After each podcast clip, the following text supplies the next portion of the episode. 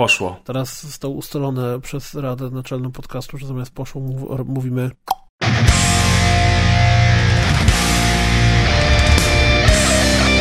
Uwaga, czasem rzucamy mięsem.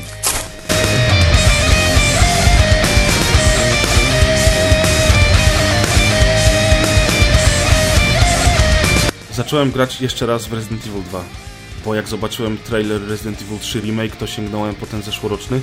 Zacząłem od nowa, ale w trybie hardcore. I tam musisz mieć te ribbons, żeby zasejwować grę, nie ma autosave'a, no i przeciwnicy są dużo, dużo bardziej wytrzymali.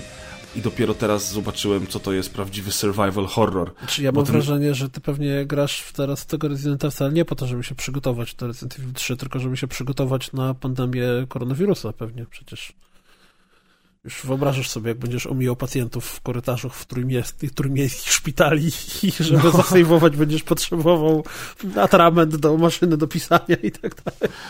Oby nie, oby nie. Mam zresztą anegdotkę a propos e, trójmiejskich szpitali, ale zanim do niej przejdziemy, to może przywitajmy się z naszymi słuchaczami. Witajcie w 25. grubych rozmowach. Ja nazywam się Grzegorz Wojewoda, czyli Pres Perez, a ze mną jest mój przyjaciel Piotr Kuldanek, czyli Kuldan. Tak, ja jestem. Dzień dobry wszystkim. No, ja a propos anegdotki koronawirusa, to w zeszłym tygodniu e, byłem w placówce LuxMedu robić sobie tam różne badania takie mm, profilaktyczne. E, między innymi zrobiłem EKG i rentgen klatki piersiowej. No i tam Potem jeszcze jakieś mam robić badania krwi, takie tam pierdołowate rzeczy różne. Wiadomo, już jesteśmy w takim wieku, że czasami trzeba sprawdzić, zwłaszcza jak coś się dzieje. Na szczęście wszystko jest w porządku, ale... Chciałem ostatnio na Twitterze taki tekst, że jeżeli to pamiętasz, to wiesz, nie było zdjęcie, załóżmy gazety albo coś w tym stylu, to czas na kolonoskopię. Otóż to, otóż to. Kolonoskopię to już miałem za dwa lata temu, więc na razie mam spokój. Ale, ale faktycznie y, w zeszłą środę byłem e, u lekarza i w piątek zaczęło mnie boleć gardło. I mówię, kurczę, no bez jaj, no znowu coś. No i tak faktycznie mi się to rozwinęło do poniedziałku, że, że taki dosyć mocny kaszel dostałem, więc e, ponieważ i tak szedłem z wynikami tamtego przedświetlenia klatki piersiowej do pani doktor, to, to przyszedłem do niej. No i mówię jej, że przy okazji, przy, poza tym prześwietleniem, na szczęście tam wszystko okazało się, że jest super dobrze. Mówię, no niestety mam znowu silny kaszel taki suchy. I pani mówi, a to jest, tam osłuchała mnie, zbadała i mówi, gorączki nie ma, tu żadna grypa. Mówi, to jest zapalenie górnych dróg oddechowych. To panu u nas złapał, bo teraz infekcja jest. I z taką nonszalancją pani doktor mnie poinformowała, że prawdopodobnie to po prostu jak byłem w zeszłym tygodniu, złapałem u nich, bo teraz wszyscy na to chorują, więc zarazki są w korytarzu. I tak sobie pomyślałem, no tak, no z takim podejściem to jak koronawirus będzie, to to samo usłyszysz od pani doktor. Ta, to pan u nas złapał. No ale to w gruncie rzeczy w sumie w żaden sposób nie jest zaskakujące, że najgorszym miejscem do chorowania jest szpital. No oczywiście, oczywiście, że tak. A jak Zawsze nie, nie możesz podłapać coś dodatkowego. No, nie daj Boże, no ale wiesz, jak, jak do tego szpital jest nieprzygotowany, to już w ogóle yy, przecież właśnie dlatego w Chinach zrobiło się to, co się zrobiło i rozprzestrzeniło się na resztę świata, czy rozprzestrzenia właśnie przez to, że te szpitale nie były przygotowane i były przepełnione. U nas podobno w kraju też wcale nikt nie jest przygotowany na to i to, co mówią w wiadomościach, to jest jedno, a wiesz Prawda ja była, co wyjrzała, wiem, to się skryła, mówiła moja prababcia ja świętej wiem pamięci. wyłącznie to, że na ten moment, bo oczywiście czas pokaże za, nie wiem, pół roku, czy e, ta epidemia, pandemia, jak ją zwał, tak ją zwał się, rozejdzie jeszcze szerzej, ale na ten moment dużo bardziej, dużo większym zagrożeniem, dużo poważniejszą rzeczą jest e, to, jak łatwo ludzie wpadają w panikę. I ja jestem przerażony wręcz tym, jak widzę nawet w swoim bliższym i dalszym otoczeniu, ludzi, którzy na przykład robią zapasy żywności już dzisiaj, w tej chwili, kupują wiesz, worki z ryżem i z makaronem, żeby mieć w domu, bo przecież niedługo ludzie się rzucą. I jak widzę taką bardzo łatwo i bardzo szybką e, widzisz, żyjemy w czasach fake newsów tak naprawdę i to, co tak normalnie w przypadku codzienności nie jest jakoś strasznie, znaczy jest bardzo problematyczne, ale nie jest, e, nie budzi takich natychmiastowych reakcji, że przeczytasz, że tam, nie wiem, książę Harry umarł, a tak naprawdę nie umarł, tylko coś tam. E, to w sytuacji, w której e, faktycznie jest jakiś, jakieś zagrożenie takie zdrowotne, światowe, to ludzie bardzo szybko wyciągają wnioski, nie zastanawiając się nad tym, a jednak statystyka, przynajmniej na ten moment, bo oczywiście zobaczymy, co będzie za miesiąc, dwa albo i pół roku, jest taka, że jeżeli porównamy sobie mm, to, jak śmiertelna jest e, zwykła sezonowa grypa, to na razie koronawirusowy jeszcze do niej dosyć daleko, ale zobaczymy, co będzie dalej. Więc... No mam nadzieję, że wszystko będzie dobrze. Jak wiemy, nadzieja umiera ostatnia. Też uważam, że nie ma co wpadać w panikę, a przynajmniej nie jeszcze. Ja pracuję w korporacji, do której ludzie z naszego oddziału z Chin przyjeżdżają dosyć często. W tej chwili e, wszelkie połączenia, podróże służbowe i wizytacje zostały zakazane i tylko jakieś takie najbardziej kluczowe mają miejsce, natomiast one tam niby też są pilnowane Ile w tym prawdy, nie wiemy. Ale wiesz, z, z grubsza nie mamy na to wpływu. Ja na przykład za tydzień lecę e, do Bergen, do Norwegii na weekend, żeby mojego przyjaciela odwiedzić, który tam jest w pracy. E, niedawno byłem w Warszawie, ty byłeś teraz w Trójmieście, podróżujemy cały czas. Do tego przychodzą wszystkie, e, wszystkie przesyłki w paczkomatach, nie w paczkomatach. Przecież na, jak ja wchodzę na przykład do nas, do kantorka w biurze, żeby odebrać paczkę, to połowa paczek, która przychodzi, to jest AliExpress wiesz, to wszystko idzie przez Chiny, nie Chiny, wszystkie jakieś takie główne węzły komunikacyjne i tak naprawdę, gdybyśmy chcieli na tym etapie już zacząć unikać mm, jakiegokolwiek ryzyka związanego z, związanego z tym wirusem, to musielibyśmy po prostu zostać w domu. Znaczy, no tak. Tylko, no że... tak, no, z grubsza.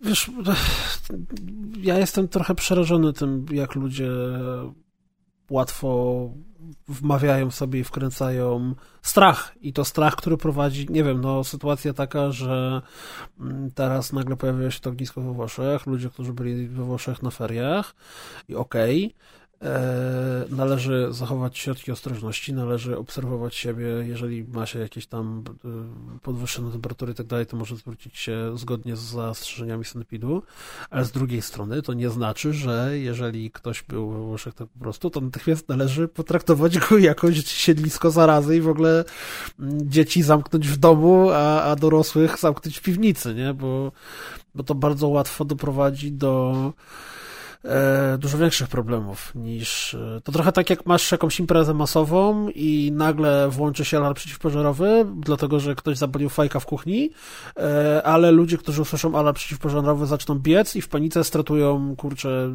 10 albo 15 osób. I zupełnie bez powodu, nie? No tak, Więc no tak. Ogólnie warto dać sobie dużą dawkę zdrowego rozsądku. I mnie oczywiście mówię, teraz to tak brzmi, a jak już świat się skończy i będzie apokalipsa, którą ten wirus prowadzi i ludzie będą w zgliszczach cywilizacji słuchać podcastów tych samych po 100 razy, to będą sobie myśleli właśnie słuchając tych słów, że jakie to kurde bzdury, ja to wygadywałem, a to zniszczyło cywilizację. No ale na tym etapie y, mnie najbardziej uspokaja statystyka, która pomijając to, że jest największym kłamstwem, wskazuje na to, że jednak y, jest dużo więcej rzeczy, które może nas zabić na ten moment albo nam zaszkodzić niż koronawirus, zwłaszcza w Polsce. Jest Oczywiście. dużo rzeczy, które może, którym bardziej powinniśmy się na ten moment przejmować niż właśnie wspomnianym, wspomnianym wirusem. Ja tylko chciałem cię sprostować, bo gdybyśmy już gdzieś tam kiedyś w przyszłości siedzieli na zgliszczach świata po apokalipsie, albo gdyby siedzieli ci, którzy by przeżyli, to nikt by podcastów nie słuchał, dlatego że podcasty mamy w internecie i na dysku jakimś tam serwerowym. Co ty, przecież ludzie, tym... to ty nie wiesz, że są ludzie, którzy ściągają. No jak to, nie pamiętasz, jaka była wielka afera była, jak to ja w odcinku, w opisie odcinka dałem zły link do ściągnięcia i od razu zostało pół minuty potem, jak pod nowy odcinek się pojawił, natychmiast ktoś ściągnął zły odcinek i była ten Mm, Czyli, że ludzie archiwizują to. Tak, tak, oczywiście. Tak. No dobra, ale telefony komórkowe, komputery, tablety, to wszystko pójdzie się kochać. No, Zostaną nam kaseciaki, książki i może prąd taki, który wystarczy nam na oświetlenie piwnicy. Podejrzewam, że wiele więcej nie będzie. Przede wszystkim trzeba by było jeszcze mieć piwnicę, wiesz, to też jest istotne te piwnice to akurat najczęściej, naj, najlepiej się zachowują, prawda? Przynajmniej tak jest na filmach, ale nie tylko. No, historia nieraz pokazała, że pod ziemią zazwyczaj jest najbezpieczniej.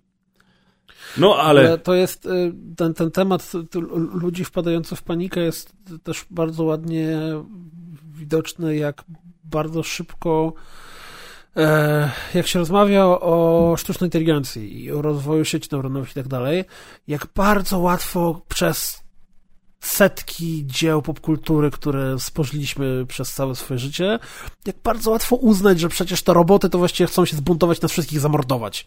A jeżeli masz choć trochę wiedzy, jak działają algorytmy i wiesz, że samoświadomość maszyny jest na razie dosyć bardzo daleka od rzeczywistości. Ale wiesz, Natomiast ta ludzie, Tesla, która samo jedzie już kogoś rozjechała, to ja nie wiem, czy... Ale ta... z drugiej strony, z drugiej strony, ludzie są ludźmi i jak oglądasz te takie filmy testowe robotów z Boston Dynamics i e, oglądasz sobie na YouTubie, jak ci faceci testują te roboty, kopiąc je w plecy, wywracając e, i pokazując, wiesz, że ten robot na przykład niosąc ciężką paczkę po uderzeniu albo zamortyzuje upadek tak, że się patrzce nic nie stanie, albo się natychmiast podniesie i będzie dalej wykonywał swoją czynność. I widzisz, że ludzie te roboty traktują po prostu tak jak wszystko ludzie traktują na swojej drodze.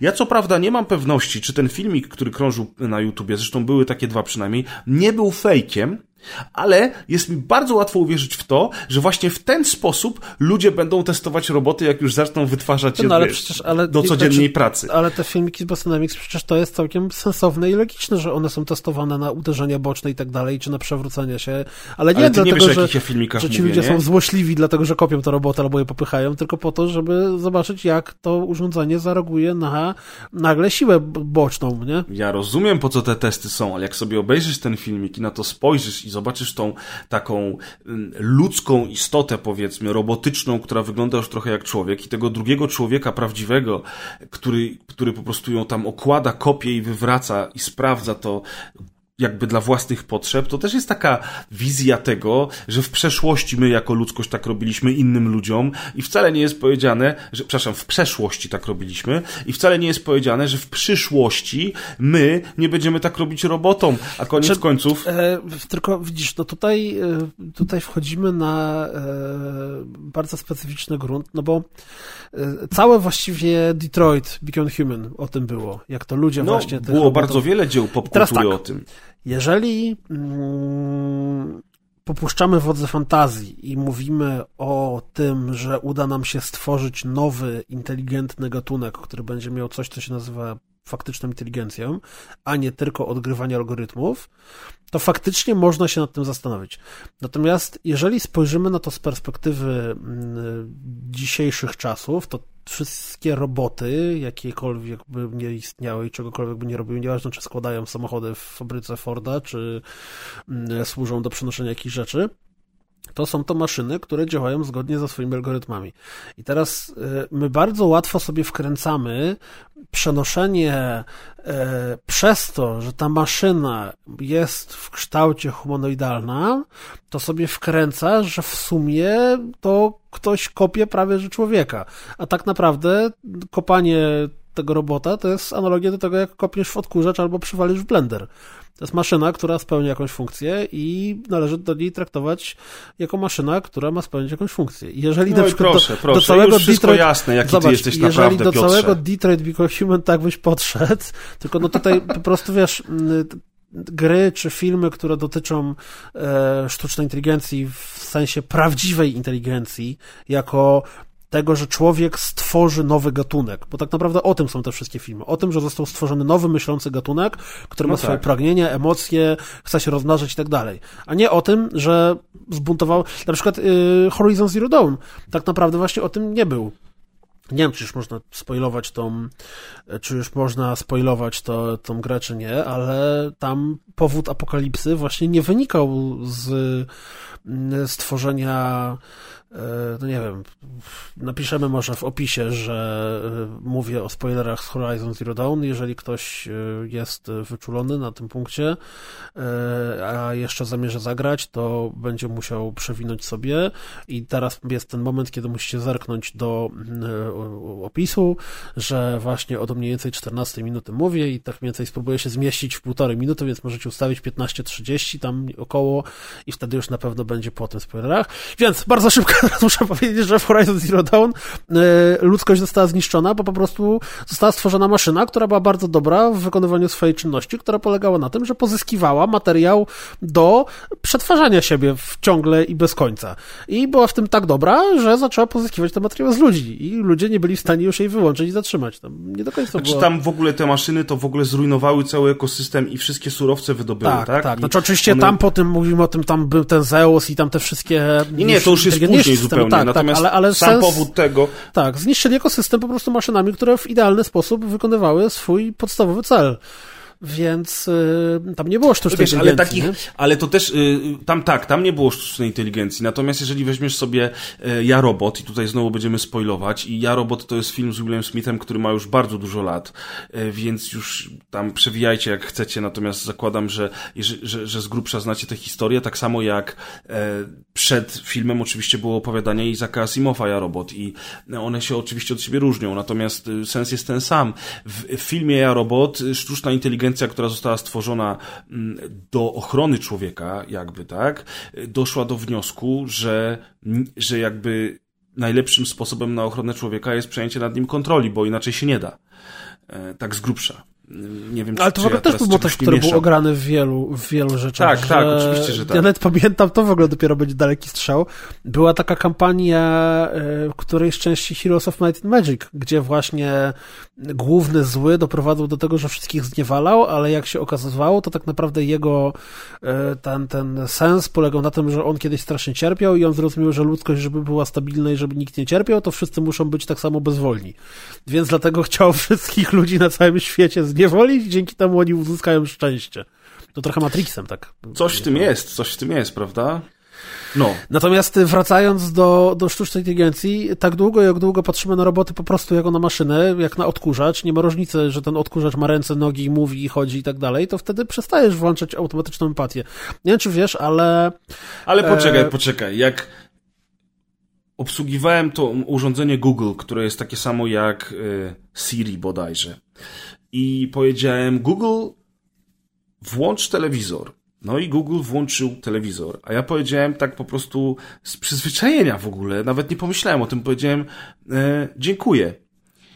I wiesz, że Google mi odpowiedział nie ma za co? no bo to to jest algorytm, tak, który ma... No przecież wiem, no kurczę stary, no nabijam się teraz. No ja nie wiem, Nabijam wiesz, to się. jest trochę... Swoją jesteśmy, drogą... Jesteśmy bardzo blisko tego żartu, że tam yy, żona zapytała mnie, po co mi pistolet w kuchni. Odpowiedziałem, No. żeby bronić się przed yy, Decepticonami. Decepticonami. Żona się zaśmiała, ja się zaśmiałem, toster się zaśmiał, zastrzeliłem go. Więc... To był cudowny dzień, tak. Dokładnie. Nie, nie, ale już jakby tam y, pal licho to Google, który mi odpowiedziało, ale sam fakt, że ja powiedziałem mu dziękuję. Że przyzwyczajemy się do tego w pewien sposób, nie? To jest to, co powiedziałeś o tym, że te roboty mają ludzki kształt. I my zaczynamy o nich myśleć jako ludziach. I tak samo nawet prosta rzecz, którą odruchowo robisz. No albo zwierzęce. Czemu, czemu te filmiki z tym robotem, który wyglądał jak pies, były takie, o, czemu oni go kopią? Bo wyglądał jak pies. Jesteśmy przyzwyczajeni do tego, żeby psów nie kopać. Przynajmniej, jeżeli jesteś normalnym człowiekiem, to tak uważam. No właśnie. Chyba, że to są psy w Resident Evil. To lepiej ich nie kopać, tylko od razu do nich strzelać. Tak. Swoją drogą, wiesz, czemu y, ludzie lubią pandy?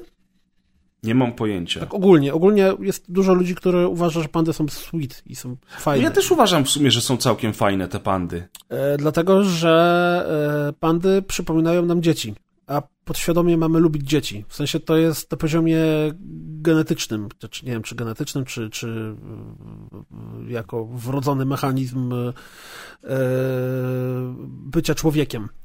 Że pandy mają duże głowy, mają oczy i tak dalej i e, tak jak człowiek jest w stanie dostrzec wszędzie twarze. Możesz Aha. patrzeć na samochód, na, na dom mieszkalny, na klamkę i tak dalej i widzisz, o tu nos, prawda. oczy i tak dalej. Co wynika z tego, że rozpoznawanie twarzy jest bardzo ważnym skillem dla nas, jako dla człowieka żyjącego w społeczeństwie. Bo rozpoznawanie twarzy jest nam na co dzień potrzebne. Potrzebujemy rozpoznawać ludzi, z którymi pracujemy, ludzi, których spotykamy na ulicy i tak dalej. Co więcej, z tego samego powodu, dla nas, jako dla ludzi mieszkających w Europie, oczywiście y, ja troszeczkę to upraszczam, ale wszyscy Azjaci wyglądają tak samo. Wiadomo, że nie wyglądają, ale jest ten stereotyp, że no kurde, właściwie to wszyscy Azjaci. Jest tak dlatego, że twój mózg i to, gdzie jesteś urodzony, wychowany i tak dalej, nie jest przyzwyczajony do rozpoznawania azjatyckich rysów twarzy. Ale to tak samo działa w każdą stronę, nie? Tak, tak, tak, tak, tak, tak, tak, tak, dokładnie. I w momencie, w którym yy, i, i, i to są mechanizmy, które są tak jakby wrodzone w człowieku i dokładnie z tego samego powodu małe zwierzęta są dla nas słodkie, dlatego że mamy odruchowo mu, nasz mózg włącza, czy, włącza raczej skojarzenie z dziećmi. Które No tak, są... ale na przykład y, małe zwierzątka są dla mnie bardzo słodkie, a małe dzieci wszystkie wyglądają dla mnie jak ziemniak.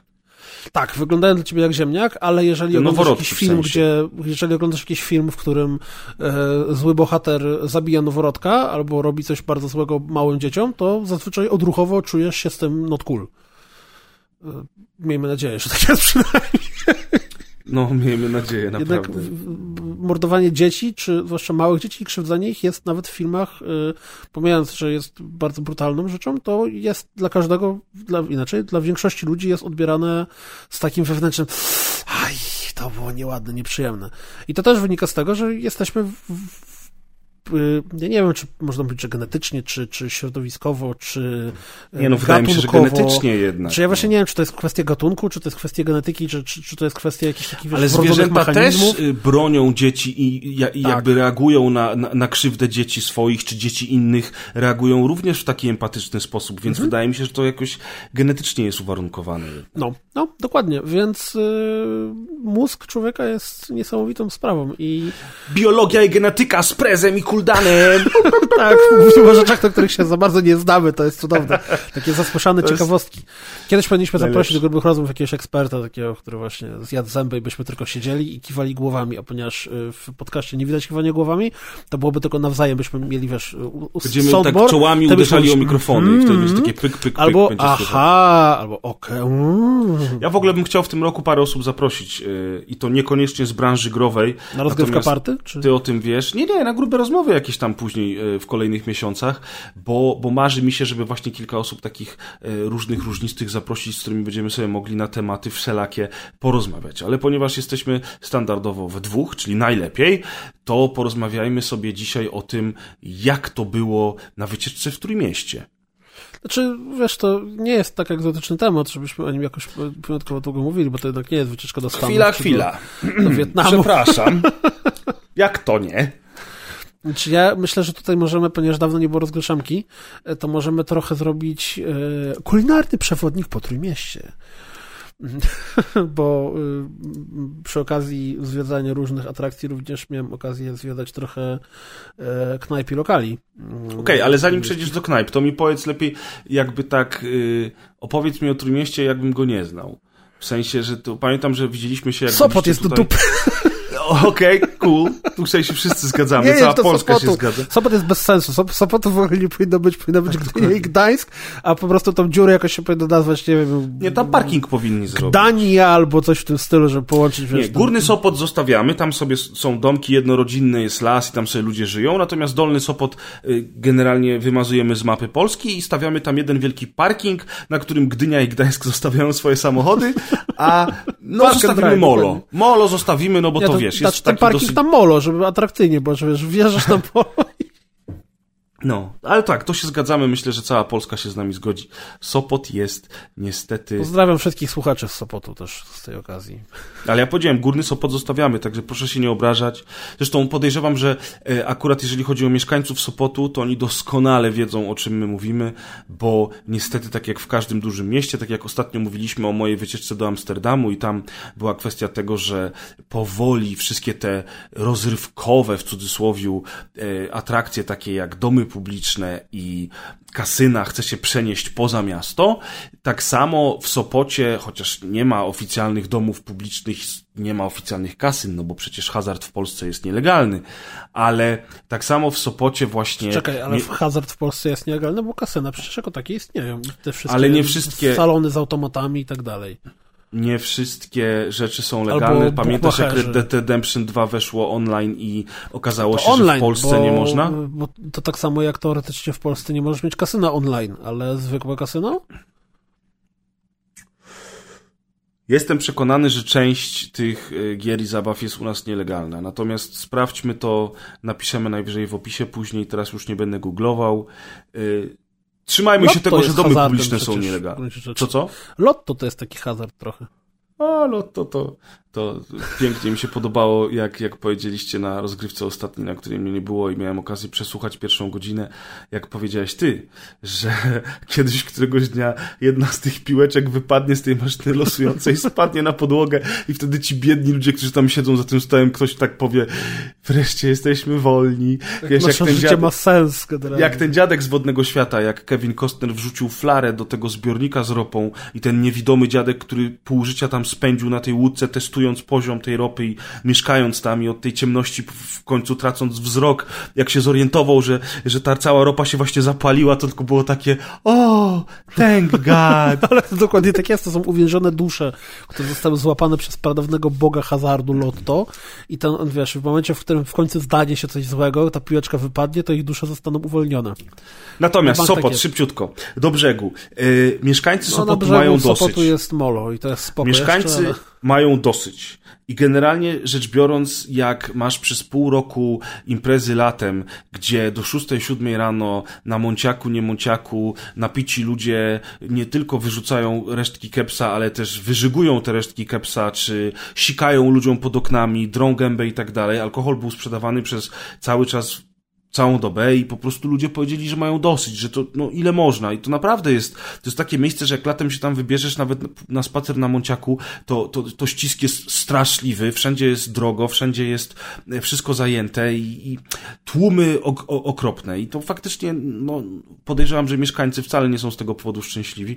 Teraz jest zakaz w ogóle sprzedaży alkoholu w sklepach po godzinie drugiej w nocy i w całym Sopocie nie kupisz alkoholu po drugiej w nocy, więc jest to jakiś już tam krok Ale naprzód. po drugiej w nocy, co to jest za ten, to przecież jakieś tam mielno, nie mielno, to oni wprowadzają ograniczenia chyba 23, czy w ogóle 22. No tak, ale mówimy teraz o Sopocie i jeżeli są imprezownie i niektóre z tych imprezowni są zamykane około tej drugiej, trzeciej w nocy, to ludzie, którzy przyjechali na urlop są niedopici, idą jeszcze do sklepów, kupują kolejną flaszkę albo jakieś browary i na przykład łoją na plaży, albo właśnie gdzieś tam po kątach w uliczkach, pomiędzy blokami, gdzie ci ludzie na przykład rano muszą iść do pracy, a do piątej rano jacyś najebani kolesie drą ryja i sikają im pod klatką, wiesz?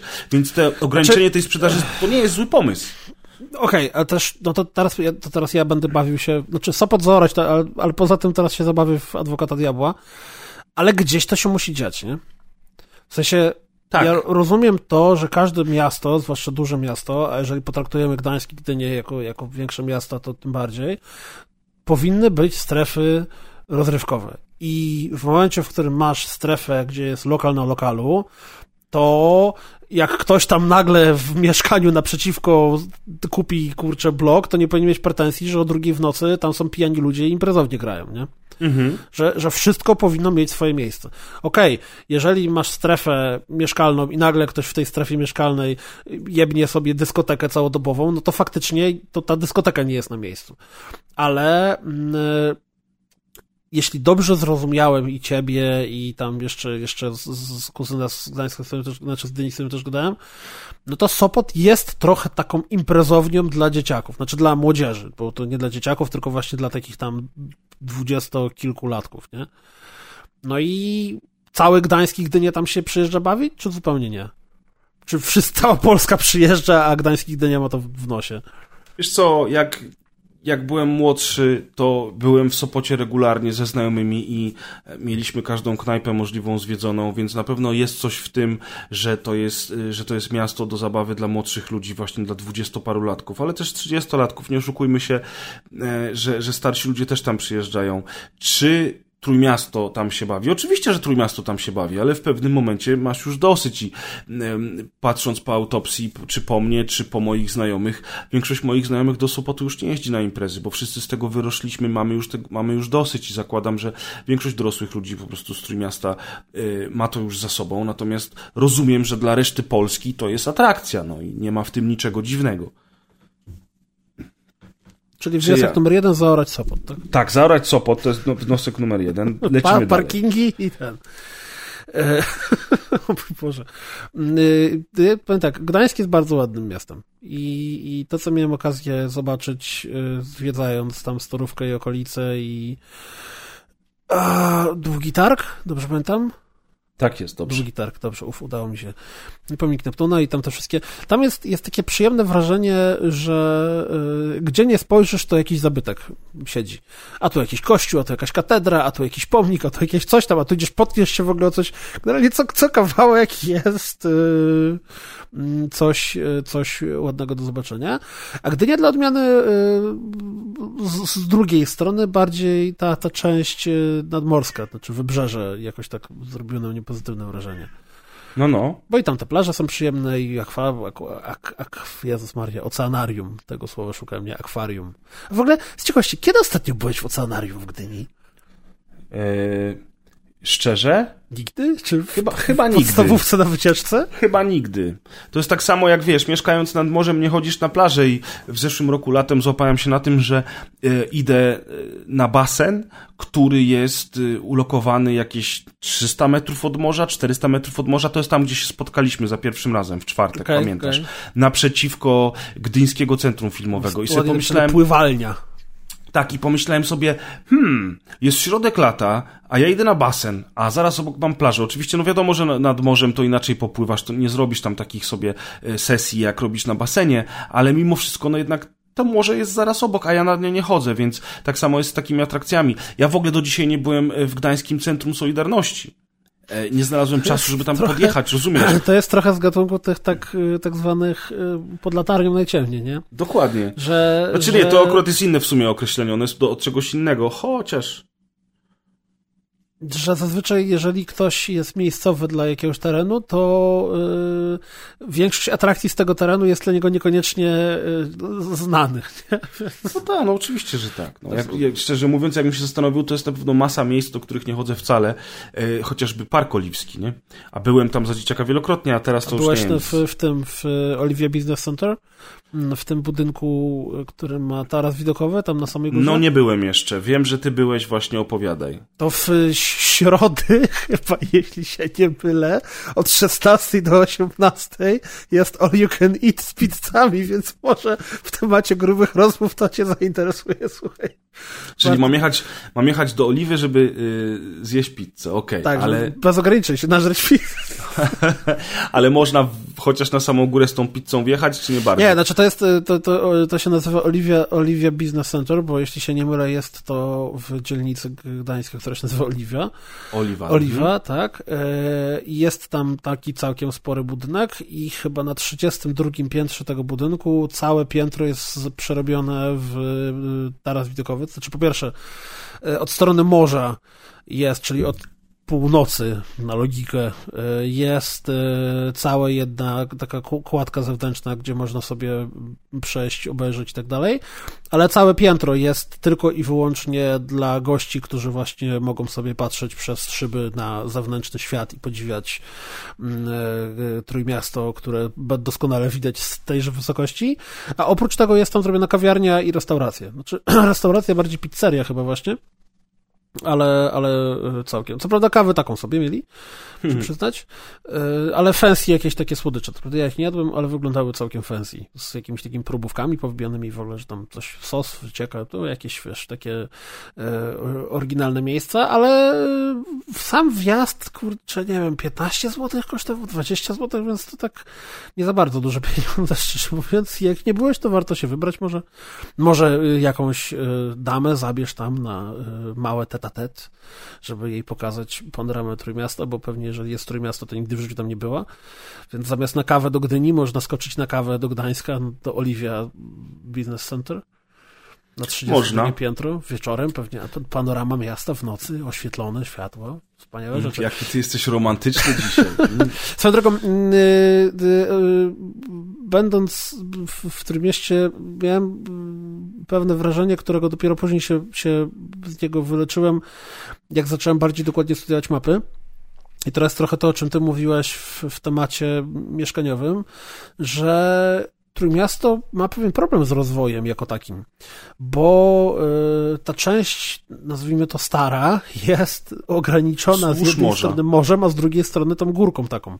Nie wiem jak się Tą nazywa. górką. Ta, ten, ten park właśnie, y, który, no bo ta, ta górka to jest całkiem spora, no, nie? No bo to są wzgórza morenowe wszystko. No, o właśnie, wzgórza morenowe. I tak naprawdę tu się kończy miejsce, gdzie może się miasto rozwijać. Miasto się rozwija już po drugiej stronie, między tą właśnie moreną, nie mylić z mureną, e, a obwodnicą.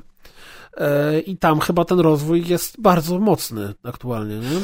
No tak, no i jeszcze na południe też poszedł rozwój. Gdańsk się bardzo rozrósł y, na przestrzeni ostatnich 10 lat i to, co kiedyś było takimi dzielnicami poza Gdańskiem, do których trzeba było dojechać PKS-em, czy tam w ogóle jakimś autobusem i wydawała to się podróż nie wiadomo jaka, to w tej chwili to już są tak naprawdę dzielnice Gdańska. Gdańsk wchłania coraz więcej rzeczy dookoła i jakoś cały czas wszędzie się znajdują miejsca na rozbudowę, ale z Gdynią jest podobnie. Gdynia też się rozbudowuje i, i coraz, coraz y, szerzej sięga to wszystko. Ja w ogóle jestem w szoku, że jest takie zapotrzebowanie cały czas na te, na te domki i na te mieszkania, że to budownictwo, no gdzie nie spojrzysz, to wszystko w Trójmieście się buduje. Całe Trójmiasto się buduje. Naprawdę co trzecia ulica w mieście ma, no, jak nie nowy budynek, to całe nowe osiedle, które powstaje. I to jest w ogóle wow, nie? Ja, ja nie wiem, czy to jest dobrze, czy to jest źle, to się okaże. Wiesz. A powiedz mi, czy z perspektywy ciebie, dzieciaka, bo ty całe życie mieszkasz w Gdyni. No gdzie? Ja jestem z nie? Gdańska. Ja całe życie mieszkałem we Wrzeszczu przecież. Ach, ty we Wrzeszczu Gdańsk, Wrzeszcz. Recognize, okay, motherfucker. No Ale czy jako dziecko w ogóle pamiętasz Gdynię, nie Gdynię i tam te tereny? Oczywiście. Bo... Pamiętam te tereny, bo, bo, bo tutaj y, i do Orłowa często jeździłem do mojej rodziny. Jako nastolatek miałem dziewczynę w Gdyni Grabówku, czyli praktycznie kawałek dalej niż to, gdzie ja teraz mieszkam i mi się wydawało, jak miałem te 17 e, lat wtedy, że to jest koniec świata i jak ja miałem do niej jechać SKM-ką na grabówek, to sobie myślałem, Boże, po co ja sobie dziewczynę tak daleko znalazłem? I w ogóle dla niej to też było takie, wiesz, trochę do Wrzeszcza przyjechać, to też była wyprawa na cały dzień. Nie wiem, czy Nie oszukujmy się, do Wrzeszcza to była się przyjechać, żeby mordę nie dostać przede wszystkim. No Wrzeszcz nie był wtedy zbyt bezpieczny, chociaż no już był trochę bezpieczniejszy niż jeszcze parę lat wcześniej, ale, ale tak. No. Ale chciałem o coś innego cię zapytać, bo mm, jak się jedzie od strony Redy, Reda, Rumie i tak dalej, to właściwie już jest to samo, co się dzieje tutaj w, w moich okolicach, czyli te miasta się łączą. I w sumie jadąc, jadąc cały czas jedziesz miastem. Znaczy Reda płynnie przechodzi w Rumie, Rumie potem płynnie przechodzi w Gdynię. Yep, yep. Domyślam się, że jakby życiakiem to nie pamiętasz albo nie zwracałeś na to uwagi, jak to tam było, nie? Czy wiesz co, te, te, te wszystkie takie przerwy zostały wypełnione. Te miasta się też rozbudowały i w tej chwili, tak jak mówisz, to jest jedna wielka ciągłość, tak? Mm, nie pamiętam dokładnie, jak to było wtedy, ale te miasta zawsze były bardzo blisko Trójmiasta, one były bardzo blisko Gdyni tak naprawdę one nigdy nie były częścią Trójmiasta, nadal nie są częścią Trójmiasta, ale wzdłuż SKM-ki, jak spojrzysz teraz, tak naprawdę, to z Gdyni Głównej, czyli stąd, gdzie ja teraz jestem, to Rumia czy Reda to nie są jakieś nie wiadomo jakie odległości. Natomiast jak jeździłem z Wrzeszcza do moich kumpli, którzy mieszkali dawno temu w Rumie, jak byliśmy w liceum, jeździliśmy do nich, oni mieli taki fajny, duży dom i jak, jak mama wyjeżdżała na wakacje, to oni nas zapraszali, mieliśmy ogród i kosza i w ogóle tam filmy, nie filmy, jakieś piwko, wiadomo, to, to jak żeśmy się z chłopakami zbierali, żeby pojechać do Rumi, to też była taka wyprawa, że ta kolejka SKM jechała wtedy, nie wiem, godzinę dwadzieścia, może ja przekłamuję trochę rzeczywistość, ale, ale to było długo jak cholera. A w tej chwili te wszystkie odległości się zmniejszyły. Ja podejrzewam też, że pociągi, nawet SKM-ki jeżdżą szybciej, że ta komunikacja cała jest inaczej zorganizowana i to wszystko wydaje się po prostu mniejsze. Więc jeżeli chodzi o Trójmiasto, to wzdłuż SKM komunikacja jest perfekcyjna i mieszkanie wzdłuż SKM, niezależnie od tego, czy będziesz mieszkał w Gdańsku Głównym, w Sopocie, który jeszcze istnieje, zanim go zaoramy, czy w Gdyni, czy, czy nawet już czyli w Rumi, niedługo, czyli niedługo. Czyli niedługo. To wszystko jest w miarę spoko. Natomiast jeżeli odbijesz od SKM-ki i będziesz chciał jechać na południe, w stronę obwodnicy i dalej, na te wszystkie osiedla, osiedliska, które są dalej, no to powiem Ci szczerze, że to już nie jest taka łatwa przeprawa. Ja na, na ten przykład e, w poniedziałek byłem oglądać mieszkanie, które było na osiedlu, które teoretycznie jest niecałe 20 minut autobusem od y, Gdyni Głównej, czy, czy, czy od Gdyni Redłowa, tam gdzie jest takie centrum biznesowe w Gdyni, gdzie te wszystkie firmy IT, w tym mój pracodawca, się mieszczą.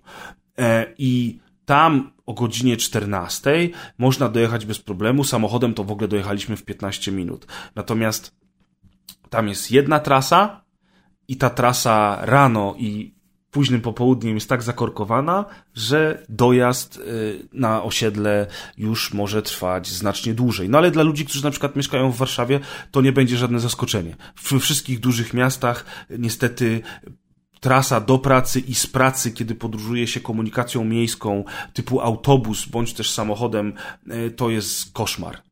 Znaczy powiem Ci w ogóle, że ja przez te parę dni obecności w mieście to w Trójmieście. W Trójmieście, tak, to się trochę korkuje u was tam. Znaczy, o. Y, jest to y, absurdalne, bo domyślam się, że gdybym jeździł autobusami albo, albo SKM-ką, to pewnie pokonywałbym te odległości szybciej. Najbardziej mnie rozbawiło to, że jak jedziesz znaczy, z autobusami Sopotu, to niekoniecznie, bo też się nie, ma, nie macie tak buspasów? Samo. Nie, no chyba są buspasy. Mamy buspasy, ale a w ogóle Gdańsk ma tramwaje i tramwaje też są super. I są jeszcze trolejbusy, co dla mojej córki było w ogóle szokiem. Jakim, ale... czemu ten autobus ma na górze, Maszyny. to jest bez sensu w ogóle. E, znaczy nie szyny, tylko no. E, to prąd tak, jest podpięty. E, ale trolejbusy z kolei w Gdyni, czyli Gdynia ma trolejbusy, a Gdańsk ma tramwaje. A Sopot nie ma nic zaorać. To jest przynajmniej wniosek w tytułu odcinka Zaorać Sopot. W ogóle to odnośnie jeszcze orania Sopotu, to nie, naprawdę on jest bez sensu, bo to jest taki mały wypierdek, który tam nie pasuje. Bo gole tam se żyją, wiesz, tam mają, o, o, my jesteśmy z Sopotu, a no, a drugie pół Sopotu to jest, to jest niestety chlew i imprezownia. No. Ale właśnie to chciałem powiedzieć, że, że jeżeli jedziesz samochodem z Gdańska do Sopotu, to zajmuje to pół godziny, jeżeli potem jedziesz z Sopotu do Gdyni, to zajmuje to kolejne pół godziny, a jeżeli jedziesz obwodnicą z Gdańska do Gdyni bezpośrednio, pomijając Sopot, to zajmuje to pół godziny. Więc no, a jak jedziesz, zabawne, nie? A jak jedziesz SKM-ką, to z Gdańska do, do Gdyni Głównej jedziesz 40 minut więc SKMK Król, a jeszcze teraz puścili PKMK, czyli tą linię kolejową, która leci od południa, tak jakby yy, na wysokości obwodnicy plus minus przy, przez te wszystkie dzielnice, które są już tak bardziej na obrzeżach, albo które były do tej pory na obrzeżach i kiedyś wydawały się po prostu wypizdowem, a teraz jak wsiadam w PKMK w Gdyni Głównej, to w 20 minut dojeżdżam na lotnisko do Rębiechowa, a w 30 minut dojeżdżam do Wrzeszcza. Czyli mamy w tej chwili jakby dwie różne kolejki jeżdżące z Gdańska do Gdyni i cała cała ta komunikacja w Trójmieście jest naprawdę świetnie zorganizowana, jeżeli o to chodzi. Te pociągi to jest, to jest w ogóle, wiesz, zbawienie dla wielu. I to no, wszystko to przez tą złą nie? Unię Europejską, tą najgorszą, co nas okrada, kurwa. Ale to może nie wchodźmy w politykę, bo, bo się aż uniosłem. Nie ta strona, nie ta strona. Czekaj, wróć, wróć, abort, abort. Cancel mission, cancel mission. No. A powiedz mi, czy, bo to, to będzie ciekawe, o, uwaga, e, czy, okay. bo oczywiście cię nie pytałem o to, a teraz też trochę za późno, ale jakie twoim zdaniem są takie najbardziej e, zajebiste rzeczy do zobaczenia w Gdyni i w Gdańsku? Jako a... miejscowy? I to tak z głowy, bez przygotowania. Gdybyś twoim zdaniem, o, koniecznie to trzeba. No a wiesz, cię zabiłem. Sta stare miasto w Gdańsku głównym koniecznie trzeba. To jest zabytkowe miasto Y, z bogatą historią, tak jak powiedziałeś, z masą atrakcji do zobaczenia na każdym kroku i w ogóle po prostu starówka w Gdańsku to jest, y, to, to jest obowiązek. Jak jesteś w Gdańsku, to musisz zobaczyć starówkę i w ogóle nie ma dyskusji, bo to jest bardzo, bardzo przyjemne miejsce, bardzo ładne miejsce, zwłaszcza, że, że od lat Gdańsk jest y, odnawiany, remontowany, jest wiele inwestycji. Ta cholerna Unia Europejska! Przepraszam. Y, więc to jest super na pewno. W Gdyni y, marina jest fajna, razem z tą plażą, którą widziałeś, czyli tak naprawdę sam trafiłeś tam bez mojego polecenia, bo jeżeli chodzi o gdańskie plaże, to one się dosyć ciągną łącznie z Sopotem, to jest taki, taki długi pas plaży, e, niekoniecznie super atrakcyjny, natomiast e, w pewnym momencie jest klif w Orłowie, czyli w Gdyni Orłowo jest taki duży klif, który wystaje na morze. On też jest zresztą ciekawy, natomiast tam już jest zakaz wchodzenia od dawna, bo on się coraz bardziej obsuwa. Jego bardzo e... fajnie widać z tego tego Olivia Sky. Tak. I za klifem, za klifem już jest ta część Gdynia Główna, gdzie jest bardzo fajny deptak nadmorski i gdzie jest taka plaża, która przez ten klif wydaje się być odgrodzona od reszty, więc ona z jednej strony ma klif, z drugiej strony już jest ta marina, stateczki sobie pływają, ta plaża jest bardzo zadbana, malutka, taka przyjemna e, i tam na pewno warto się też wybrać.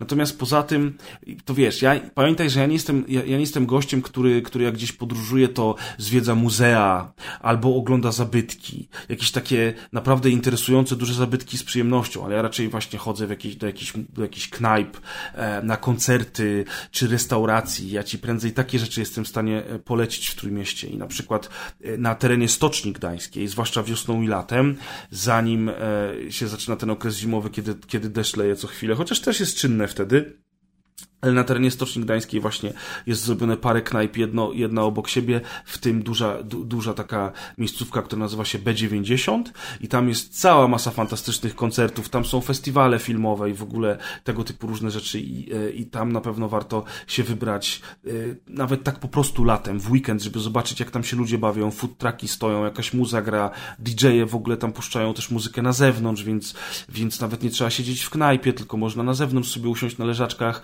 to jest jest bardzo, bardzo fajne miejsce. Zaraz obok jest miejsce, które nazywa się Stocznia i tam jest e, troszkę piasku wysypanego, jest cała masa kontenerów i takich budek, w których serwują różne najróżniste jedzenie, drinki, piwko i też, też można tam miło spędzić czas, także to też na pewno polecam. Mam nadzieję, że będziemy mogli się tam wspólnie kiedyś wybrać e, przy kolejnej okazji.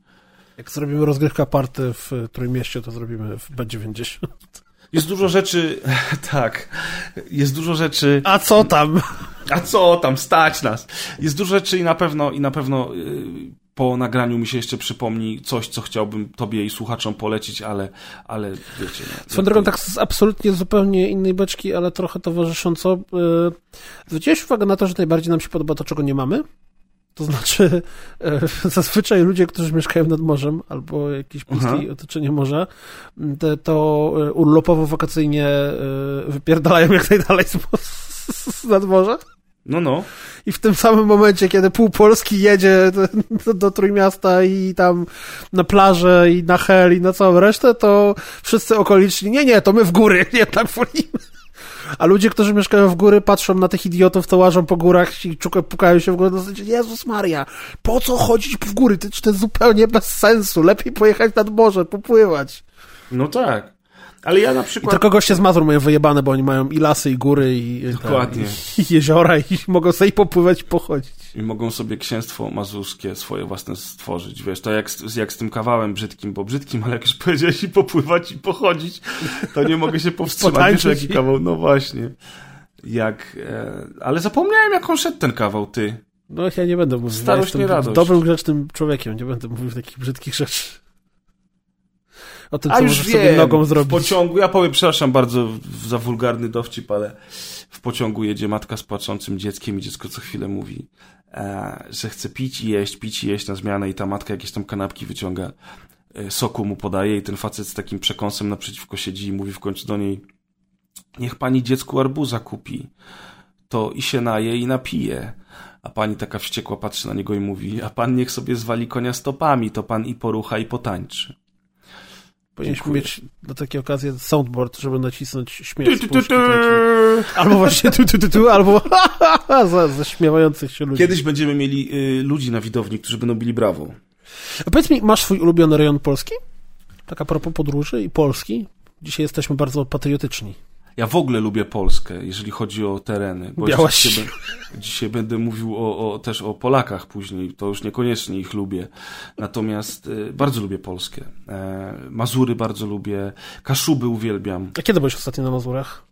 Dawno temu, na, na, na ślubie kolegi i chyba później jeszcze może byłem, ale ale nie pamiętam kiedy. Ale Kaszuby... Mazury tak bardziej Mikołajki, czy Giżycko, czy... Giżycko, te, te, te, te rejony. Na, na, natomiast Kaszuby bardzo lubię, znam doskonale oczywiście, moja rodzina w ogóle stąd się wywodzi, jakąś krew kaszubską w sobie wszyscy mamy. Często jeździmy za Kościerzynę, bo we Wielu e, dziadek postawił dom i od 20 lat tam jeździmy, zresztą z tamtych rejonów, z Karsina pochodzi dziadek, babcia też niedaleko się urodziła, teraz zapomniałem nazwy miejscowości, z której pochodzi babcia. E, natomiast ogólnie te rejony znam, bardzo lubię, lasy, jeziora i, e, i lubię tam sobie pochillować. W góry jeżdżę rzadko i mimo tego, że właśnie jestem że jestem z nadmorza, to wcale mnie nie ciągnie w góry i wcale mnie nie ciągnie na, na przykład no, ale to z tego powodu, że jesteś leniwy po prostu, to jest super. Nie, nie, nie, nie, nie, nie. Góry jako takie są spoko. Ja bardzo lubię patrzeć sobie na te góry i Zakopane dobrze wspominam i jak byliśmy z Markiem Śledziem, którego serdecznie pozdrawiam, w Chamonix we Francji, to tam przy Mont Blanc te góry to było coś pięknego, natomiast ja nie jeżdżę na nartach, mm, nie ciągnie mnie do śniegu ani do zimy, chociaż bardzo lubię na przykład jeździć na łyżwach, ale, ale tak, żebym miał spędzić urlop y, w śniegu? Eee, nie, nie, nie, to już wolę zostać nad naszym polskim morzem. Ale pytasz mnie jeszcze o te rejony, to jeszcze tylko chciałem ci powiedzieć, że na przykład e, bardzo, ale to bardzo lubię Toruń. Też tam mam rodzinę, więc od dziecka jeżdżę, także wydaje mi się, że te Kaszuby, ten Toruń to są takie miejsca, które ja lubię po prostu, e, nostalgia przeze mnie przemawia, ale, ale no ciężko, ciężko się kłócić z tym, że Toruń jest fajnym miastem, prawda? Bo ja, jest ja fajnym bardzo lubię Toruń, też ja chciałem powiedzieć, że Toruń jest super. Toruń jest super. Pozdrawiamy całą ekipę z Torunia swoją drogą, naszych znajomych, którzy na pewno nas słuchają. I z grubsza to jeszcze Kraków też bardzo lubię. Kraków nie mam sentymentu, zacząłem jeździć do Krakowa jako dorosły facet, jeżdżę tam przynajmniej raz w roku i e, z każdym razem zakochuję się coraz bardziej, chociaż oczywiście tam, tam też są tłumy, jest zajebiście drogo, ale, ale jest w Krakowie coś takiego, e, co po prostu powoduje, że ja się tam dobrze czuję. I to też jest fajne miejsce, jeżeli chodzi o Polskę. I tutaj muszę cię zasmucić niestety, Warszawy nie lubię. Nie wiem jest czemu. tak, że nikt nie lubi Warszawy, a Warszawa ma to w dupie generalnie? Tak, ja wiem, że Warszawa ma to w dupie, więc to nie jest tak, że ja teraz szukam zaczepki. Y, wiesz, nawet teraz w ten weekend byłem w Warszawie na chwilę przelotem i, y, i znowu się nad tym zastanawiałem, że ja się nie czuję dobrze w Warszawie, ja się czuję dobrze z wami wszystkimi. Ty w ogóle nawet nie jesteś z Warszawy, prawda? Czy, czy to jest część Warszawy w sumie? Ten, ten, ten... To jest aglomeracja warszawska, ale takie to wiesz. Znaczy ja w ogóle jestem urodzony w Warszawie, natomiast y, to jest... Y, ja się czuję bardzo dobrze z, z tym, gdzie jestem, że nie jestem właśnie w mieście i poza, poza nim. Bo wiesz, natomiast ja mam z Warszawą... to się tak chyba nazywa... To się, a, to się ładnie nazywa obważankiem tak zwanym. Ale co się nazywa obważankiem? No to wszystkie moje tereny, to jest tak zwany obważanek okay. warszawski. Okej, okay, okej. Okay. No ale to taki niby Warszawa, ale to już nie jest Warszawa, no. Tak naprawdę macie osobne miasteczko piękne, pełne zieleni, domów jednorodzinnych, wiesz. To nie jest centrum miasta, które, no niestety, ja rozumiem, że to jest miasto z tradycją, to jest stare miasto, ale to kurwa, no Gdańsk jest starszy, no. I, i, i wiesz, i ma jakiś... Te... Okej, okay, dobra, teraz ktoś powie, Warszawa została zburzona w trakcie II wojny światowej do ziemi. Też się zgadza, absolutna racja. Natomiast właśnie przez to też między innymi, to jak to miasto wygląda, to jak to miasto funkcjonuje, y, ta, taka szarość pewna, która tam jest na co dzień i to już nie jest teraz już nie możemy tego tłumaczyć drugą wojną światową. Warszawa jest strasznie szara. I to nie jest tak, że ja widziałem fragment Warszawy i teraz się wymądrzam. Przecież wiesz doskonale, że jestem w Warszawie co najmniej kilka razy w roku, co roku, od wielu lat. Ja kocham ludzi z Warszawy, kocham was wszystkich, uwielbiam spotykać się z ludźmi, którzy tam są, uwielbiam spędzać czas na wszelkie różne sposoby, na jakie się da spędzać czas e, z warszawiakami i mógłbym teraz wymieniać, wiesz, kilk, od kilkunastu do kilkudziesięciu osób z Warszawy, które uwielbiam, ale jak jestem sam na sam z miastem. Podróżuję, idę do hotelu, załatwiam coś na jakimś biznesie, etc. No to kurczę, nie wiem, nie czuję się tam dobrze. Po prostu. I nie jestem w stanie tego tak, jakbym miał to tak naprawdę sprecyzować, dokładnie ci powiedzieć czemu, to nie umiem ci tego powiedzieć. Ja powiem szczerze, nie mam żadnych emocji w Warszawie jako miasto. Dla mnie jest miejscem, gdzie załatwiam sprawy po prostu tak naprawdę najróżniejsze codziennie, albo tam raz na kilka dni. Natomiast to nie jest tak, że mam jakieś emocje na plus albo na minus. Miasto jak miasto. A przez to, że blisko, to nie traktuję go jako atrakcji turystycznej, bo jak gdzieś jadę w Polskę, to to jest właśnie wtedy, wiesz, wyjeżdżam gdzieś, więc jest podekscytowanie, że a, we're going on adventure i tak dalej. Tak a w przypadku y, y, miasta najbliższego mi, no tak, no, miasto jak miasto. Żyje się tak tu powoli, spokojnie na tej wsi. Tak się żyje na tej wsi właśnie. A co chciałeś powiedzieć o Polakach, że ich nienawidzisz, bo to... To jest ciekawostka taka. Nie, nie, nie chciałem... Dziękuję, Piotr, że wsadzasz mi w usta y, słowa, których nie wypowiedziałem. Dobrze, że tylko słowa. Mówiłem już dzisiaj, że jesteś taki romantyczny. Nie, taka ciekawostka w sumie. Jest sobie film, który wyszedł w zeszłym roku e, w wakacje. On jest do obejrzenia na Amazon e, e, UK, ale nie na Amazon Prime, czyli nie tam, że płacisz abonament i on jest do wyboru, tylko musisz sobie go wypożyczyć. On w zeszłym tygodniu chyba dwa funty w ogóle kosztował za wypożyczenie, więc to jakieś tam... Gruby hajs. Jakieś grosze kosztował. Za dwa funty można zrobić w Warszawie? ja się tym filmem zainteresowałem, bo, bo tam gra, jest bardzo fajna obsada, gra między innymi Joel Kinnaman, czyli ten facet, który grał w Altered Carbon e, od Netflixa, gra Rosamund Pike, gra Clive Owen, gra Anna de Armas, czyli ta piękna pani z Blade Runner 2049 i gra taki raper Common. On gra detektywa zresztą. E, I generalnie rzecz biorąc, film jest na podstawie książki 3 sekundy autorstwa jakichś dwóch Szwedów. Ten film się dzieje w Szwecji, e, Danii, Polsce, natomiast e, amerykańscy producenci, którzy zrobili ekranizację tego filmu, przenieśli akcję do Nowego Jorku i generalnie film opowiada historię faceta, który jest synem dwójki polskich emigrantów, który pracuje, czy tam jakby no, współpracuje, nie wiem, czy można pracować dla gangsterów. No, sam jest bandziorem, handlarzem narkotyków i współpracuje z polskim gangiem. To jest bardzo niebezpieczny polski gang, który handluje narkotykami I on e, właśnie jest takim głównodowodzącym handlarzem, który pakuje się w różne perypetie i e, o tym jest ten film. Jeżeli chodzi o samą fabułę filmu, to może to nie jest jakaś nie wiadomo jaka wyszukana historia kryminalna, natomiast na tyle dobrze mi się to oglądało, że się wciągnąłem i poza tam pewnymi rzeczami pod koniec filmu, które niekoniecznie mi się spodobały, ogólnie uważam, że warto ten film obejrzeć. Obsada bardzo dobra, aktorsko świetnie zagrane. Ciekawostka jest taka, że, że film właśnie, ponieważ traktuje o Polakach w Nowym Jorku w dużej mierze, to pamiętasz y, na przykład X-Men Apokalips, jak tam Magneto mówił po polsku, tak. no to, to ja w kinie w ogóle, wiesz, ja w kinie po prostu zgrzytałem zębami tak jak większość widzów i, i wszyscy z tego się śmiali, tak samo jak na przykład są Rosjanie w filmach bardzo często i oni mówią po rosyjsku i my wszyscy myślimy sobie, ci, którzy nie znają rosyjskiego, tak jak ja, e, myślimy sobie, że, e, że oni mówią dobrze, a potem jak sobie poczytasz gdzieś tam w, w internecie opinię, to się okazuje, że to jest jakiś wymyślony rosyjski i połowa tych słów, która tam pada jest w ogóle bez sensu. Natomiast tutaj widać, że bardzo mocno ktoś się przyłożył do swojej roboty, bo większość aktorów, którzy grają Polaków, to są Polacy. Wszystkie kwestie y, wymawiane po polsku, a jest ich całkiem sporo w tym filmie. Słychać, że są napisane przez Polaka, słychać, że to jest naturalny język, że ci ludzie ze sobą rozmawiają w naturalny sposób, że to nie jest właśnie ten magneto nieszczęsny albo coś pomiędzy. I to było bardzo miłe zaskoczenie. I tam masz, y, i disco polo leci, i jest polska kiełbasa, i ci gangsterzy są wydzierani cali, wiesz, mają, e, mają i orzełka naszego polskiego, i Matkę Boską, i jakiegoś chłopca w hełmie, wiesz, z Powstania Warszawskiego, oczywiście tam tych PW też dużo lata. Widać, że ktoś, kto przygotował ten film, zwrócił uwagę na to wszystko i że to jest całkiem fajnie zrobione. Zresztą w ogóle jest taka scena w tym filmie, jak właśnie detektyw Grens, którego gra Common, przyjeżdża na, do małej Polski, bo w Nowym Jorku też jest taka dzielnica, która się nazywa Little Poland, tak jak samo jak jest Little China i tak dalej. Zresztą w Chicago też jest taka duża ilość Polaków, że też jest polska dzielnica. Mam dzisiaj, mam dzisiaj w głowie właściwie same słabe żarty, więc yy, już cztery zgasiłem w sobie, zanim Okej, okay, dobrze. Udało mi się powiedzieć.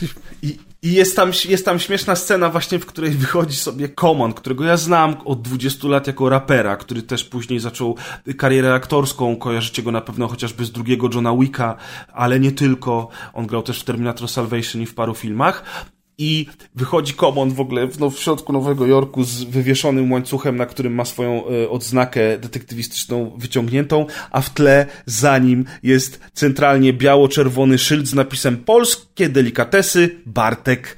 I to jest takie, wiesz, no nie wiem, mnie to, mnie to, mnie, we mnie to wywołało jakieś takie przyjemne uczucia, ten, te, tak, takie, takie, wiesz, o, Polska. On bardzo chciał mieć na imię Bartek. Tak Może chciał, kto, kto go wie. Natomiast, powiem ci, o do czego zmierzam e, ten film przeszedł bez żadnego echa Nie tylko u nas zresztą, bo, bo wydaje mi się, że on też na świecie nie był jakoś szczególnie e, reklamowany. W ogóle na filmobie pisze, że to jest produkcja brytyjska, więc nawet nie Amerykanie robili. On zarobił 2 miliony w box office amerykańskim bodajże, czy światowym, więc 2 miliony to ja podejrzewam, że ten film kosztował z milion. E, także szału nie ma, ale zastanawiam się, dlaczego w Polsce ten film nie był w ogóle puszczony w kinach i dlaczego nikt o nim nie mówi. Przecież polscy widzowie na, bardzo chętnie by wstali z kolan, wiesz, e, wink wink, jakby ten, jakby ten film u nas w Polsce leciał. E, tymczasem wystarczyło spojrzeć na chwilę na komentarze na Filmwebie i na pierwszy komentarz, który tam w ogóle widnieje, żeby zrozumieć, że Polacy e, oburzeni są na ten film. E, bo my właśnie, jako naród, się nigdy kurwa nie nauczymy. I zawsze będziemy uważali nie wiadomo co o sobie i jak my, to spoko, ale jak ktoś o nas albo ktoś nam, to zawsze będziemy stroszyć piórka. I pierwszy komentarz mówił o tym, że w ogóle to jest beznadziejne, jak oni mogą pokazać y, polskich gangsterów w dresach, wytatuowanych, rzucających co chwilę kurwami. I teraz ja sobie myślę, aha, no, no jak mogą pokazać? No tak jak pokazują Meksykańców, tak jak pokazują Rosjan, tak jak pokazują wszystkich innych. Przecież to nie y, pracownicy Uniwersytetu Matematycznego prowadzą nielegalne biznesy w obcych krajach, tylko tylko inni ludzie, którzy zakładają te, te, te bandziorskie biznesy. Co jest złego w tym, że oni mają dresy, że oni kurwują? Zresztą wiesz, tam są takie rozmowy, tak jak powiedziałem, napisane przez Polaka to słuchać, czuć. My kurwujemy na każdym kroku. A co dopiero prości ludzie przestępcy, którzy, którzy wiesz, są z zupełnie innego świadka i to oburzenie tego kogoś, e, że oni chodzą w dresach i przeklinają w ogóle, ja mówię, ja nawet nie wiem jak to zareagować, po czym w drugiej linijce ten sam ktoś przyczepił się o to, że przykrywką tej, te, tego polskiego gangu jest masarnia, w której się robi kiełbasę. I w ogóle jakie to jest, jakie to jest, y, wiesz, znowuż obraźliwe dla nas Polaków, że co, że jak Polacy to robią kiełbasę, a ja sobie myślę, nie no kurwa, powinni mieć przykrywkę na Wydziale Fizyki na Uniwersytecie Nowojorskim i wszyscy powinni cytować Mickiewicza. Wtedy my Polacy bylibyśmy ukotentowani, że na świecie pokazuje się nas tak jak trzeba. Wiesz do czego ja dążę? Co, ale to znowu jest takie, oj tam, yy, kilka osób pisze jakieś wzory, znaczy nie ma się z tym przejmować. Zawsze się znajdzie, pamiętaj, yy, pasztet z czapli i forum dla myśliwych, gdzie goście się napierdalają o tym, czy pasztet z czapli może być taki, czy Ale wiesz co, ale my Polacy mamy coś takiego w sobie, że my właśnie y, nie wiem, obrażamy się, bierzemy do siebie, broń Boże, ona złego słowa nie można powiedzieć. No, ale my Polacy, a Brytyjczycy tak się obrazili, że weszli z Unii Europejskiej, to dopiero się obrażają. Jest, wiesz, no. Tak, ale ja nie jestem Brytyjczykiem, wiesz? Ja mieszkam wśród Polaków i ja, znaczy, ja, ja ty zwracasz obserwuję to, to jak się Polacy to jest, zachowują. To jest absolutnie Wiesz, dla mnie to było, wiesz, dla mnie to było spoko, nie? Że, zachowują tak, że im zawsze coś nie pasuje albo zawsze jest powód do krytyki. Komentarze Oczywiście. na YouTubie są wylewem głównym pod właściwie w każdej narodowości filmem. Dla mnie było spoko to, że ktoś poświęcił czas, postanowił zrobić film właśnie o, o, o naszych krajanach e, i, i, i do tego przyłożono się na tyle, żeby, żeby właśnie i te dialogi myślę, odpowiednio że, napisać. Myślę, że Rosjanie, Rosjanie, jak w co drugim filmie są przedstawieni jako źli goście, którzy ledwo mówią po angielsku, to są zadowoleni z tego powodu. Wiesz co, ja się nad tym zastanawiałem kiedyś i na przykład przy okazji ostatniego Modern Warfare, w którym mówiliśmy o tym, że tam, e, że, że, że dosyć propagandowe było to Call of Duty, że ta kampania przedstawiała Rosjanów w takim niekorzystnym świetle, zwłaszcza, że przypisywano im e, pewne zbrodnie wojenne, których tak naprawdę dokonali Amerykanie. I wtedy sobie tak myślałem, jak to z tymi Rosjanami jest, że w co drugiej grze masz e, dwie strony konfliktu, jak to jest gra, która się dzieje współcześnie, powiedzmy, we współczesnym świecie, fikcyjnym, bo fikcyjnym, ale współczesnym, to zawsze będzie, będą to Amerykanie albo Anglicy walczący z Rosjanami. Rzadko kiedy z Chińczykami, a może z Koreą. I teraz właśnie wyobraź sobie, że Rosjanie są z tego dumni. I to, że w nowym Modern Warfare masz jedną koalicję, która jest amerykańsko-brytyjska i tam są jedni, a po drugiej stronie są jacyś Kazachowie plus Rosjanie i tak dalej, Czeczeni i Rosjanie, plus minus oczywiście strzelam, ale ci Rosjanie tam grają pierwsze skrzypce. I ilu jest graczy, którzy mają w swoim logotypie flagę rosyjską, tu Rosja, Rosja, oni są, Rosjanie to jest stan umysłu Ja nie chcę się wypowiadać, ale nie chcę się za głęboko tutaj, wiesz, znowu nie wchodźmy w politykę, ale Rosjanie to jest stan umysłu, nie? No ale to ja tak, skoro mamy już odfajkowaną twoją nienawiść do Polaków i Polski, to teraz, teraz ja, jest... teraz ja z trochę innej, innej i do Warszawy. Nie zapominajmy nienawiści do tak, Warszawy. A ty Sopotu nienawidzisz. Tak, ja nienawidzę Sopotu, więc wszystko dobrze. To mm, podzielę się z tą taką już na koniec myślą, która ostatnio mnie, mnie natchnęła że oczywiście to jest taka myśl mm, nie jakaś szczególnie ambitna, ani, ani tym bardziej jest to super tylko i wyłącznie życzenie, e, które nie ma najmniejszych szans znaleźć e, swego spełnienia. Bo jak wiesz, czy też nie, z dużym, z dużym zainteresowaniem oglądam serial Wikingowie. Aha który jest, jest bardzo, mi się bardzo podoba. Tam, oczywiście, że jest dużo rzeczy krytycznych, które można by na jego temat powiedzieć, ale generalnie mi się ogląda go bardzo dobrze. Mm, I ostatnio gram sobie, w, o czym zresztą nasi słuchacze drodzy będą mogli usłyszeć na najbliższej rozgrywce, w Ancestors Legacy. I grając w to Ancestors Legacy, tak do mnie dotarło, że kurde, jak byłoby fajnie zobaczyć taki serial jak Wikingowie, ale o Polanach, o początkach państwa polskiego. Gdzie tam, kurde... No przecież jest taki charyzm... już. Nie, nie mówię o Koronie Piastów. nie, mówię o serialu, który, jest, który byłby zrobiony w takim stylu, w jakim jest zrobiony serial Wikingowie. Chyba, że ja może tutaj nie doceniam Król Piastów, czy tam Króle Królów, jakkolwiek ten serial się nazywa i tam są zajebiste mm, sceny batalistyczne, a nie tylko wszyscy siedzą w jednym pokoju i rozmawiają przy stole. Mm, e, ale wyobrażasz sobie właśnie historia Polski przedstawiona z takim rozmachem i kurde chrobry, który wspaniałą umięśnioną klatą świeciłby na, na powietrzu i tam mieczem szlachtował swoich wrogów.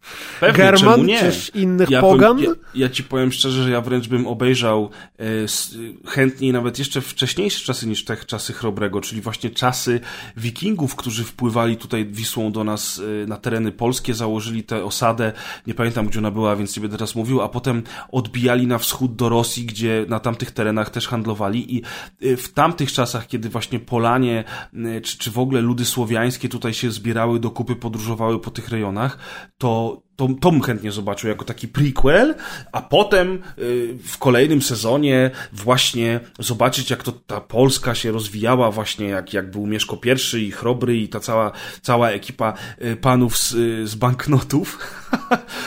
Bardzo dobry pomysł, powiem ci szczerze. W ogóle jeszcze, jeszcze zanim ktoś w komentarzach będzie bronił Korony Królów, to może to jest doskonały serial od strony przedstawienia historii, natomiast to, co mnie kompletnie, mnie kompletnie mm, od niego odstręcza, to jest to, jak on jest pokolorowany. Jak się patrzy na jakiekolwiek urywki, czy, czy fragmenty, y, czy, czy zdjęcia z planu, to to wszystko wygląda jak taki teatr telewizji taki, nie czuć tam tego, ja, ja, nie znam się na filmotwórstwie, natomiast jak oglądam Wikingów, to nie mam, nie wiem, czy przez filtry, które są nałożone na ekran, czy przez to, jak to jest zagrane, czy przez cokolwiek innego, nie mam wrażenia, że właśnie oglądam, kurde, brygadę gości z teatru, którzy odgrywają jakąś scenkę, tylko, że jednak mam jakieś tam próbę przedstawienia realiów, a jednak w tej Koronie Królów, kurde, jak się widzi urywki, no to to wygląda tak na maksa, jakby właśnie w, w, na scenie w teatru ktoś coś odgrywał.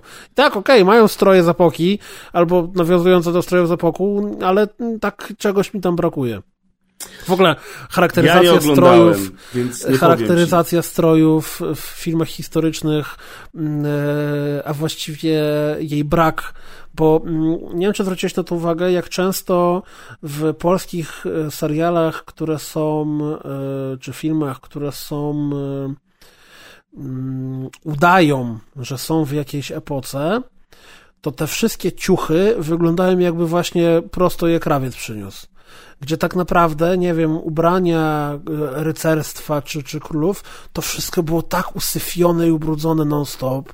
To nie było tak, że oni mieli pięknie lśniące, cudowne ciuchy wyciągnięte prosto z szafy, wyprane w Nie, no oczywiście. Tylko oni to po prostu mieli znoszone. O, i może to jest to, co mnie tak najbardziej bije po oczach. Dlatego ja właśnie widzę teatralnych aktorów, którzy odgrywają w inscenizacjach swoje, swoje scenki, a nie widzę bohaterów historii Polski z zjednoczeni i tak dalej. Teraz ja dla mnie pojechałem patriotycznie tutaj, widzisz, a, elegancko. Czyli Ach. twoja nienawiść, moja miłość, wszystko idealnie wychodzimy na zero. Idealnie. Więc, Jak Ying i Yang. Dokładnie tak, dokładnie tak. E, a słuchaczy, mam pytanie do nich. O, czekaj, bo wiesz, że ty tak? cały czas zapomniałeś o najważniejszej rzeczy, o której chciałeś dzisiaj opowiedzieć, nie? O jakiej? O jedzeniu ale już niestety pukają nam w szybkę w reżyserce i musimy kończyć. To ja powiem wam szybko, co ja odkładam w Trójmieście, ale, ale do słuchaczy miałeś pytanie jeszcze. Do słuchaczy miałem pytanie. Mm, do słuchaczy miałem pytanie następujące. Jakie wy byście, jakie, jakie, jakie wy realia chcielibyście zobaczyć w właśnie serialu mm, przedstawionym e, e, dotyczącym Polski? Czyli czy na przykład, nie wiem, czy właśnie piersi piastowie, czy może tutaj, kurczę, jakieś późniejsze czasy, czy może w ogóle jakieś coś dziejące się w okresie okupacji, albo tu druga wojna światowa, co? Ja, ja, jak, jaki, jaki okres historyczny Polski chcielibyście zobaczyć? Bo ja wiem, że to może być śmiesznie, ale e, mi na przykład oglądanie wikingów doprowadziło do tego, że potem zacząłem na Wikipedii, nie Wikipedii sprawdzać, jak to tam właśnie faktycznie było z tą historią powstawania tych, tych i wiem, że to tak działa że w momencie, w którym zaczynasz e, oglądać dzieło popkultury, które jest w popkulturowy sposób przemieleniem jakichś faktów historycznych, to jest w stanie ciebie to popchnąć do tego, żeby zacząć się zastanawiać, jak to tam w tym, że e, w tejże historii faktycznie było i się dowiedzieć, że tak jak w Czarnobylu, nagle przecież kiedy się Czarnobyl serial zdobył popularność, to nagle masa ludzi zaczęła się interesować, co to ten Czarnobyl właściwie był. I nie mówię o nas, bo my, w sensie my jako Polacy i tu, tu ludzie żyjący w tych rejonach, w większości wiedzieliśmy od dziecka o tym w ten czy w inny bo sposób, ale jechaliśmy światowo... z naszymi rodzicami do szpitali, żeby łyknąć ten płyn. tak, dokładnie, dokładnie tak. Ale światowo to nie był tak super, super znany fakt dla, dla przeciętnego znaczy on, on widza, był nie? znany w pewnym momencie, tylko że Rosja tak. przez długi czas to ukrywała, nie? Oczywiście, dopiero ale chodzi mi o to, że jak to, to, nad to nie, Szwecją wiesz... się pojawił Fallout, to wtedy dopiero zaczęto dyskutować o tym. Nie, no ale to teraz mówisz historii. Mi chodzi chodzi o, mi chodzi o to, że wśród, nie wiem, tam latków żyjących, nie wiem, w Stanach Zjednoczonych czy w Hiszpanii, to e, fakt tego, że w Czarnobylu doszło do takiej, a nie innej awarii, to może hasło samo w sobie, że no, Czarnobyl no, było coś takiego, że Prypeć, bo przecież w Call of Duty była pokazane, to tam coś chyba w tym Prypeciu było, ale gdzie ten Prypeć, czy na Ukrainie, a może, nie wiem, w Rosji, a może, kurde, w Japonii właściwie, bo to reaktor atomowy to Japonia, e, ale samego w sobie tego, jak do tej, do tej katastrofy doszło, jakie było zagrożenie i tak dalej, to myślę, że mało kto wiedział, nie? Więc y, popkultura y, wzmaga świadomość czasem jakichś faktów historycznych. A co do jedzenia w Trójmieście, to ja powiem tylko jedno. Y, bardzo ważne, najważniejsze, jeżeli jesteście ludźmi, którzy tam mieszkają, albo będziecie kiedyś w, w, wizytach, jecie mięso, to musicie udać się do lokalu, który się nazywa Neon, który znajduje się niedaleko Galerii Handlowej Batory. Dobrze mówię? No, ale co, oni ci zapłacili, jak ja wyszedłem, czy co? Że nie, nie zapłacili mi, ale kurde, ta grzanka z tatarem, z japońskim majonezem, to było, to było mistrzostwo tak, świata. w Neonie, w Neonie bardzo dobre bułeczki bało z boczkiem i właśnie tatar na grzance, ale drugi tatar, który jedliśmy w knajpie, który nazywa się Pasta Miasta, to był w ogóle tatar z ongleta, z piklowanymi grzybami, domowym majonezem, masłem truflowym i świeżymi truflami. To też było całkiem Dla spoko. Ci, tobie, tobie ci zapłacili, tak? tak. I jeszcze jakieś makarony żeśmy wtedy też wcinali, pamiętam. Znaczy te makarony, ja powiem tak, makaron, który jadło moje dziecko, czyli gnioki truflowe były mega zajebiste, natomiast pozostałe makarony były ok. Tak, no ja nie wziąłem takiego makaronu czarnego z, z, z krewetkami bodajże i z czosnkiem który zazwyczaj biorę, bo chciałem spróbować czegoś innego i wziąłem spaghetti, którego nie bardzo lubię, ale wziąłem dlatego, że to spaghetti było z klopsikami z sarniny. Natomiast te klopsiki to były troszeczkę e, już takie letniawe i na oko, czy tam na smak, to nawet nie, nie byłbym pewnie w stanie powiedzieć, czy gdyby to były zwykłe kotleciki z mięsa mielonego, powiedzmy wieprzowego, to czy ja bym w ogóle poczuł różnicę. No, ale warto było przynajmniej spróbowaliśmy czegoś innego. To ja jeszcze rzucę na, na zakończenie e, odnośnie jedzenia. Manna 68 w Gdańsku, restauracja stricte wegetariańska, mocno hipsterska, ale mega smaczne jedzenie i, i, i klimat, i atmosfera i też bardzo serdecznie polecam. A fondi wegańskie, które tam mi zaoferowali, było niesamowicie dobre. No, mam nadzieję, że niesamowicie dobry był również ten odcinek grubych rozmów, który kończymy no, nieco wcześniej niż zazwyczaj. 3 na 10, nie? No, trochę więcej damy, wiesz. No dobra, no tak. Ta nienawiść Za tą nienawiść do do Polaków, Polaków to chociaż 6 na 10. wiesz, Troszeczkę tam, wiesz. Y, Mam nadzieję, że w komentarzach powiecie nam y, to i owo. Mam nadzieję, że to będą miłe komentarze. O, to ja mam jeszcze jeden challenge dla naszych słuchaczy. Tym razem dla słuchaczy znienawidzony, dla słuchaczy mieszkających w znienawidzonej pre, przez Preza w Warszawie.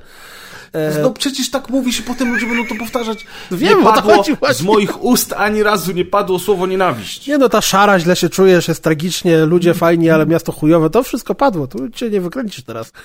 Mm, ale ja chciałem powiedzieć, żeby właśnie nasi słuchacze, ładnie, ładnie wpierdalam cię pod tą Pięknie, bardzo, bardzo mi się, cały odcinek się staram.